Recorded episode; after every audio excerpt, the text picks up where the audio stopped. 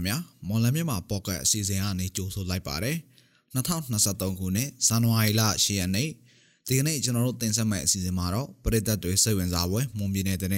ပြည်တွင်းသတင်းတွေနဲ့အာဆီယံသတင်းသတင်းပေးပို့ချက်ပြည်သူတွေသိထားတဲ့နိုင်စဉ်ကုန်စည်နှုန်းသတင်းတွေချို့ကိုအစီအစဉ်ပထမပိုင်းမှာရွေးချယ်တင်ပြသွားမှာဖြစ်ပါတယ်ဒါအပြင်2023မှာစစ်ကောင်စီကလုံမဲ့ရွေးကောက်ပွဲရခိုင်ပြည်နယ်အတွင်းယုံကြည်မှုနည်းနေတယ်ဆိုတဲ့သတင်းပေးပို့ချက်ကိုလည်းတင်ဆက်ပေးပါဦးမယ်။ ဟုတ်ကဲ့ပါဒီကနေ့အစီအစဉ်မှုကတော့ကျွန်တော်ဆက်ပိုင်ကတာဝန်ယူသွားမှာဖြစ်ပြီးကျွန်တော်နဲ့အတူမင်းရင်စနိုင်ကသတင်းတွေကိုကူညီဖတ်ကြားပေးသွားမှာဖြစ်ပါတယ်။နားဆင်ကြတဲ့ပရိသတ်အားလုံးကိုမင်္ဂလာပါလို့နှုတ်ခွန်းဆက်တာပါရစေ။ကျမမင်းရင်စနိုင်ကကိုအာကာနဲ့အတူကူညီတင်ဆက်သွားမှာပါ။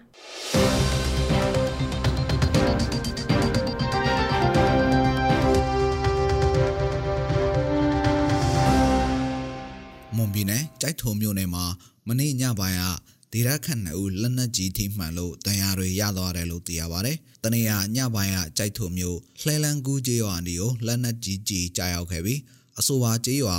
အသက်60အရွယ်မျိုးသားတဦးနဲ့အသက်18နှစ်အရွယ်မျိုးသမီးတဦးတို့လက်နက်ကြီးထိမှန်လို့တန်ရာတွေရခဲ့ပါတယ်။အဲဒီတန်ရာရရတဲ့လူနာနှစ်ဦးကိုကြိုက်ထုံစေယုံကြီးကိုညသွင်းခြင်းပို့ဆောင်ခဲ့တယ်လို့သိရပါတယ်။ လက်ရှိမှာကြိုက်ထုံမျိုးနယ်မှာစစ်ကောင်စီတပ်နဲ့ဒေတာခန် PDF တွေမကြာခဏတိုက်ပွဲတွေဖြစ်နေပြီးစစ်ကောင်စီတပ်ဖွဲ့အားလည်းလက်နက်ကြီးတွေနဲ့ပစ်ခတ်မှုတွေဆက်တိုက်ရှိနေတာပါ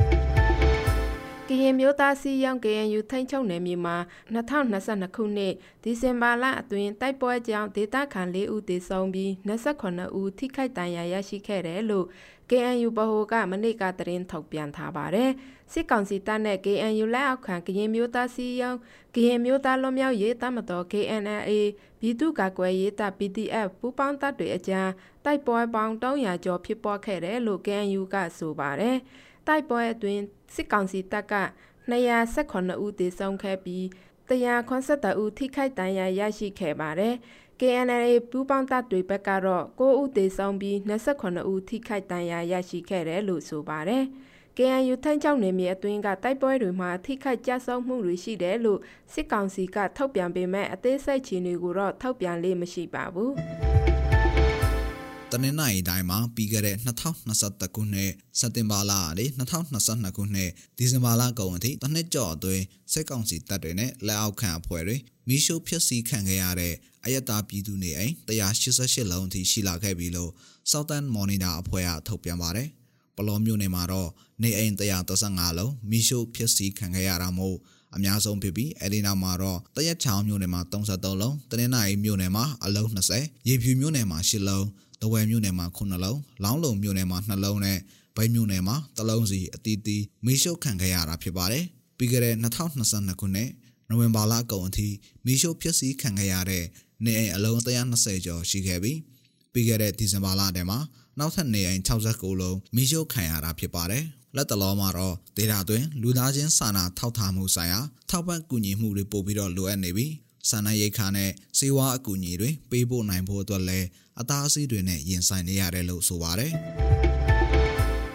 အေယော်ဒီတိုင်းပဒိုင်မြို့အကျဉ်းထောင်မှာဇန်နဝါရီ9ရက်နဲ့6ရက်နေ့တို့မှာဖြစ်ခဲ့တဲ့အကြမ်းဖက်မှုတွေမှာနိုင်ငံရေးအကျဉ်းသားကိုဝင်းရန်ဖြိုးအပြင်နောက်ထပ်ကိုဝင်းမင်းထက်ဆိုသူတေဆောင်ခဲ့တယ်လို့နိုင်ငံရေးအကျဉ်းသားတိုင်းဝိုင်းကပြောပါတယ်။ ကိုဝင်းမင်းထက်ဟာကိုဝင်းရန်ဖြိုးနဲ့သူဇန်နဝါရီ9ရက်နေ့ညကဒီချခွဲထုတ်ပြီးညှဉ်းပန်းနှိပ်စက်ခံရသူတွေထဲကတူဖြစ်ပြီးနှက်ဆက်သွဲရတဲ့သတင်းတွေရသူဟာအဲ့ညမှာကလေးကဒေဆုံးခဲ့တယ်လို့ နိုင်ငံရေးအကျဉ်းသားဟောင်းများဖွဲ့ဥဆောင်ကော်မတီဝင်ဦးထွန်းကြည်ကပြောပါတယ်။မနေ့ကအထိသတင်းတွေရထောင်အာဏာပိုင်တွေကကြံခဲတဲ့နိုင်ငံရေးကျင်းသားတွေကိုကဒုံဒုံပြီးညှဉ်းပန်းနှိပ်စက်မှုတွေဆက်လက်ကျူးလွန်နေဆဲပဲလို့လည်းဆိုပါတယ်။ဒါ့အပြင်ဒီအကြမ်းဖက်မှုတွေကြောင့်အရေးပေါ်စေကုသမှုခံယူဖို့လိုအပ်တဲ့နိုင်ငံရေးအကျဉ်းသား15ယောက်ခန့်ရှိပြီးသူတို့ဟာလုံလောက်တဲ့စေကုသမှုမရကြဘူးလို့လည်းဦးထွန်းကြည်ကပြောပါတယ်။ထိုင်းနိုင်ငံကို တရားမဝင်ဝေရောက်လာတဲ့မြန်မာရွှေ့ပြောင်းအလုပ်သမား29ဦးကိုတနေရာညပိုင်းကထိုင်းမလေးရှားနယ်စပ်မှာထိုင်းလုံခြုံရေးတပ်ဖွဲ့ကဖမ်းဆီးခဲ့ပါတယ်။ဒီမြန်မာအလုပ်သမားတွေကိုထိုင်းမလေးနယ်စပ်စုံခလာခရိုင်ပန်ခလဲမြို့နယ်မှာရောဘာချန်မှာတရင်အရလူမှောင်ခို၄ဦးနဲ့အတူဖမ်းဆီးမိခဲ့တာဖြစ်ပါတယ်။ထိုင်းနဲ့မွန်ပြည်နယ်နယ်စပ်ကချနာဘူရီခရိုင်ထိုင်းနဲ့ကရင်ပြည်နယ်နယ်စပ်မြဝတီမဲဆောက်မြို့တာခရိုင် ထိုင်းနဲ့တနင်္လာရီထိုင်းနဲ့တနင်္လာရီတိုင်းဒေသကြီးနယ်ဆက်ပကြုတ်စီဒီခန်ခရိုင်တွေကနေမြန်မာအလုပ်သမားတွေတရားမဝင်ဝင်လာကြတာဖြစ်ပြီးထိုင်းနိုင်ငံအတွင်းပိုင်းနဲ့မလေးရှားနယ်ဆက်စုံခလာခရိုင်တွေမှာဖမ်းဆီးခံကြရတာဖြစ်တယ်လို့ဦးမူဂျိုကပြောပါတယ်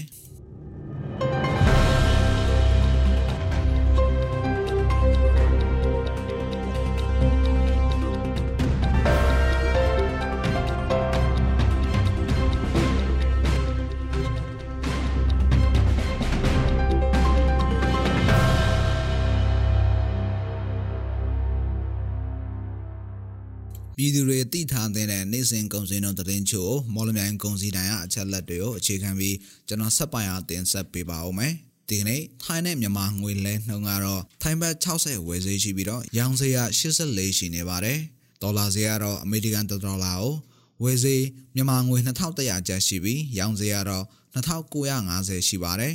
။ရွှေဈေးနှုန်းကတော့မီလင်း16ပဲရေးတစ်ကြက်သားကိုရန်ကုန်ရွှေအသင်းယနေ့ဈေးကွက်မှာ 320နဲ့6000ရှိနေပြီအပြင်ပေါက်ဈေး22သိန်းအထက်မှာရှိနေပါတယ်73စီဈေးကတော့ဒီဇယ်1လီတာကို2405ကျပ်အောက်သိန်း62တလီတာကို2105ကျပ်နဲ့65တလီတာကို2185ကျပ်အထိရှိနေတာပါစံစင်းနှုန်းကတော့အကောင့်စားပေါ်ဆံမှုအမြင့်ဆုံး9900ကျပ်အလဲလက်တန်စံမျိုးစားပေါ်ကျွဲတစ်စံသားအမြင့်ဆုံး9000ကျပ်နဲ့အမထဆန်တွေကတော့အနှိမ့်ဆုံးကို 4500နဲ့အမြင့်ဆုံး42,500ရှိနေတာပါ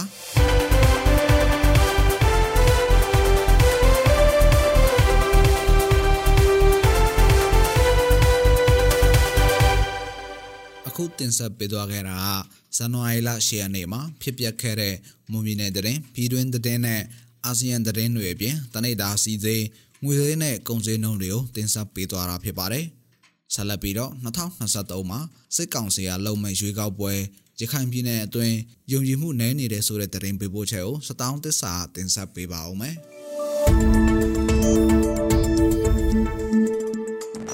မြန်မာနိုင်ငံတပေါ်မှာခုနှစ်တွင်စစ်ကောင်စီကကျင်းပမဲ့အထွေထွေရွေးကောက်ပွဲအတွက်ရခိုင်ပြည်နယ်မှာလာမယ့်ဇန်နဝါရီလ9ရက်နေ့မှာအနောက်စုလူဦးရေစည်းတွေကိုကွင်းစင်ကောက်ယူဖို့ရခိုင်ပြည်နယ်စစ်ကောင်စီကပြင်ဆင်နေပါတယ်။ လူရည်စင်ကိုဖွာပေါင်း1290ဖွာအဖွာဝင်ပေါင်း6940ဦးနဲ့ကောက်ခံသွားမှာဖြစ်ပြီးတိရခန်အလုံးမှာရွေးကောက်ပွဲကျင်းပဖို့ပြင်ဆင်နေတာလို့ရခိုင်ပြည်နယ်ရွေးကောက်ပွဲကော်မရှင်ဖွဲ့ခွဲအတွင်ရေးမှူးဦးသူရိန်ထုံးကပြောပါတယ်ကျွန်တော်ကတော့ဒီကျူတင်ပြင်ဆင်တဲ့အပိုင်းပေါ့အဲ့မဲယုံတွေရွေးချယ်သတ်မှတ်တာတို့မဲယုံတို့ပစ္စည်းတွေဒုအချက်တွေတွက်ချက်တာပေါ့အဲအဲ့လောက်ပဲရှိပါသေးတယ်ကျွန်တော်ကတော့သူတို့လူရည်စင်းနဲ့ အေးလဝကရဲ့စီးရင်တွေမှန်ကန်လို့သူတို့လုပ်နေလို့မရှိပါဘူးကျွန်တော်တို့ကတော့အလုံးတပြင်းနဲ့လုံးသက်တင်ထားတာပါနော်ဒေရခန်တွေကတော့စစ်ကောင်စီကပြုလုပ်မဲ့ရွေးကောက်ပွဲကိုအယုံကြည်မရှိသလိုစိတ်ဝင်စားမှုလည်းမရှိဘူးလို့ပြောကြပါတယ်။ကိုပိုင်အောက်၆ခွေရရေးကြိုးပမ်းနေတဲ့ရခိုင်ပြည်နယ်အတွက်ရွေးကောက်ပွဲဟာ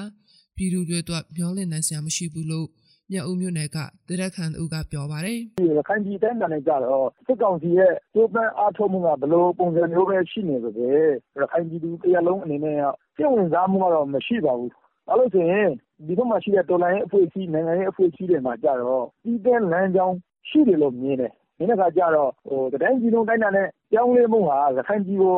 အတိုင်းတာတစ်ခုပြီးတက်ရောက်လာမယ်ဆိုတာမှန်တော့မှန်တယ်။ဒါမဲ့အဲ့ဒီပုံမှာရခိုင်ပြည်တွေက အများကြီးမျှော်လင့်ထားတာမျိုးတော့သိပ်မရှိဘူးလို့ပဲရိုးရိုးလေးမြင်ပါတယ်ခင်ဗျာ။ပြီးခဲ့တဲ့ရွေးကောက်ပွဲဆက်ဆက်ဟာရခိုင်ပြည်နယ်အတွက်အကျိုးမထူခဲ့တယ်လို့ခုစစ်ကောင်စီကပြုလုပ်မဲ့ရွေးကောက်ပွဲဟာလည်းရခိုင်ပြည်သူတွေအတွက်ထူးခြားလာမှာမဟုတ်ဘူးလို့သူကဆိုပါတယ်။စစ်ကောင်စီကရွေးကောက်ပွဲအတွက်မဲဆင်းပြုစုဖို့ပြင်ဆင်နေပေမဲ့ပေါနာကျုံမြို့နယ်နဲ့ရတိတောင်မြို့နယ်တွေမှာကြေးရွာအောက်ချုပ်ရေးမှုတရားကျော်နောက်ထွက်စာတင်ထားပါတယ်။မြို့နယ်အောက်ချုပ်ရေးမှုကပဲဖြစ်ဖြစ် ရွေးကောက်ပွဲကော်မရှင်ကပဲဖြစ်ဖြစ်လူရည်စင်းကောက်ခိုင်းရင်ညှင်းဆန်သွားမှာဖြစ်တယ်လို့ပေါနာကျွန်းမြို့နယ်ကရက်ချစ်အောက်ချရုံမှုတို့ကပြောပါတယ်။ဆိုရမွန်စကွာကပုံစံမျိုးနေပါပေါနာကျွန်းမြို့နယ်မှာဆိုရင်အုပ်ချုပ်ရေးမှုတွေအားလုံးဒီပါကနှုတ်ထွက်ထားတာပေါ့ကျွန်တော်တို့နှုတ်ထွက်ထားပြီးနောက်ပိုင်းမှာကျွန်တော်တို့ကိုမြို့နယ်အုပ်ချုပ်ရေးမှုကပဲဖြစ်ဖြစ်ရွေးကောက်ပွဲကော်မရှင်ကပဲဖြစ်ဖြစ်ကျွန်တော်တို့ခိုင်းလိုက်ရင်ကျွန်တော်တို့ကတော့နှုတ်ထွက်ထားတဲ့အတွက်စင်းတွေကိုတိတိကျကျမကောက်ပေးနိုင်တော့ဘူးကျွန်တော်တို့တော့လုံးလေးလုံးလည်းမလုံးတင်တော့ဘူးလုံးလည်းမလုံးနိုင်တော့ဘူးလုံးလေးမလုံးနိုင်ပါဘူး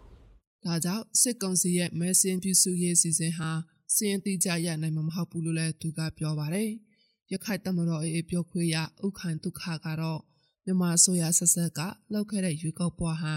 ရခိုင်ပြည်သူတွေရဲ့ဘဝတိုးတက်ရေးအတွက်တဆောင်တရာထောက်ကူမှုပြုခဲ့ဘူးလို့ပြီးခဲ့တဲ့နိုဝင်ဘာ28ရက်နေ့ကဗီဒီယိုအွန်လိုင်းစနစ်နဲ့ပြုလုပ်တဲ့သတင်းစာရှင်းလင်းပွဲမှာပြောဆိုထားပါတယ်။စိုက်ကောင်စီကလုပ်ဖို့ရီကောက်ပွင့်နဲ့ပတ်သက်ပြီးကကျွန်တော်တို့ဘက်က အာလို့လို့စင်မာတို့ကမှတ်ချက်ပြီးကြတာမင်းပါ။ရေကလေးလွန်ခါရဲ့သမိုင်းဒီကိုပြန်ခဲ့ရခိုင်ပြည်မှာမြန်မာအစိုးရအဆက်ဆက်ကလောက်ခါရဲ့ရီကောက်ပွင့်ဒီဆိုကျွန်တော်တို့ရခိုင်ဒီဘဝဖက်ပိုတိုးတက်မှုအတွက်သစုံတရာအထောက်အကူပြုခါဆိုတော့မဟိပါနောက်ပြီးကရီကောက်ပွေးဆိုရခိုင်ပြည်တစ်ခုတည်းနဲ့ဆိုင်ဆိုကိစ္စမဟုတ်ပါ မြန်မာတပေလုံးနဲ့ဆိုင်ရဲ့ကိစ္စဖိတ်တယ်ဆိုအဓိကဒုက္ခရီကောက်ပွေးဖိုက်တဲ့မဖိုက်တဲ့ဆိုမြန်မာပြည်သူတရားလုံးရဲ့ဆန္ဒပုံမှာပဲမူတည်ဖို့လို့ကျွန်တော်အနေနဲ့ဖေကလိုပါတယ်စစ်ကောင်စီကပြင်ဆင်နေတဲ့ရွေးကောက်ပွဲနဲ့ပတ်သက်လို့ရခိုင်နိုင်ငံရေးပါတီတွေဘက်ကလည်းလှုပ်ရှားမှုတွေမတွေ့ရသေးပါဘူး။ရခိုင်ဒီမိုကရေစီဖွဲ့ကြောင်း ALD ပါတီကတော့စစ်ကောင်စီရဲ့ရွေးကောက်ပွဲမှာပါဝင်သွားမှာမဟုတ်ဘူးလို့ပါတီတာဝန်ရှိသူတွေကပြောပါတယ်။ ရခိုင်မှာအင်အားကြီးပါတီဖြစ်တဲ့ရခိုင်မျိုးသားပါတီ AMP နဲ့ရခိုင်ဥဆောင်ပါတီ AFP ကတော့ဝင်ရောက်ရှင်ပြိုင်မဲမရှင်ပြိုင်ဘူးဆိုတာကိုပြပြသားသားပြောဆိုတာမရှိသေးပါဘူး။ရခိုင်ဝိုင်းရနိုင်ငံရေးသမားတဦးဖြစ်တဲ့ပြည်သူ့လွှတ်တော်ကိုယ်စားလှယ်ဟောင်းဦးဖေတန်းကတော့အခုစစ်ကောင်စီကပြုလုပ်မဲ့ရွေးကောက်ပွဲဟာအင်္ဂါမဆောင်တဲ့ပွဲတာဖြစ်လိမ့်မယ်လို့ဝေဖန်ပါတယ်။ဒီလိုမဲကြီးမသာမှာဘူးလို့ဘယ်အဖွဲ့အစည်းကမှတရားဆွဲဆိုပါဆိုရင်ရှိမှာမဟုတ်ဘူး။ ဆွဲလို့လည်းရတာမဟုတ်ဘူး။ရှိတဲ့မဲစင်းနဲ့ဒီလိုလုပ်မှာပဲ။အခုဖြစ်နေတဲ့အခြေအနေကတော့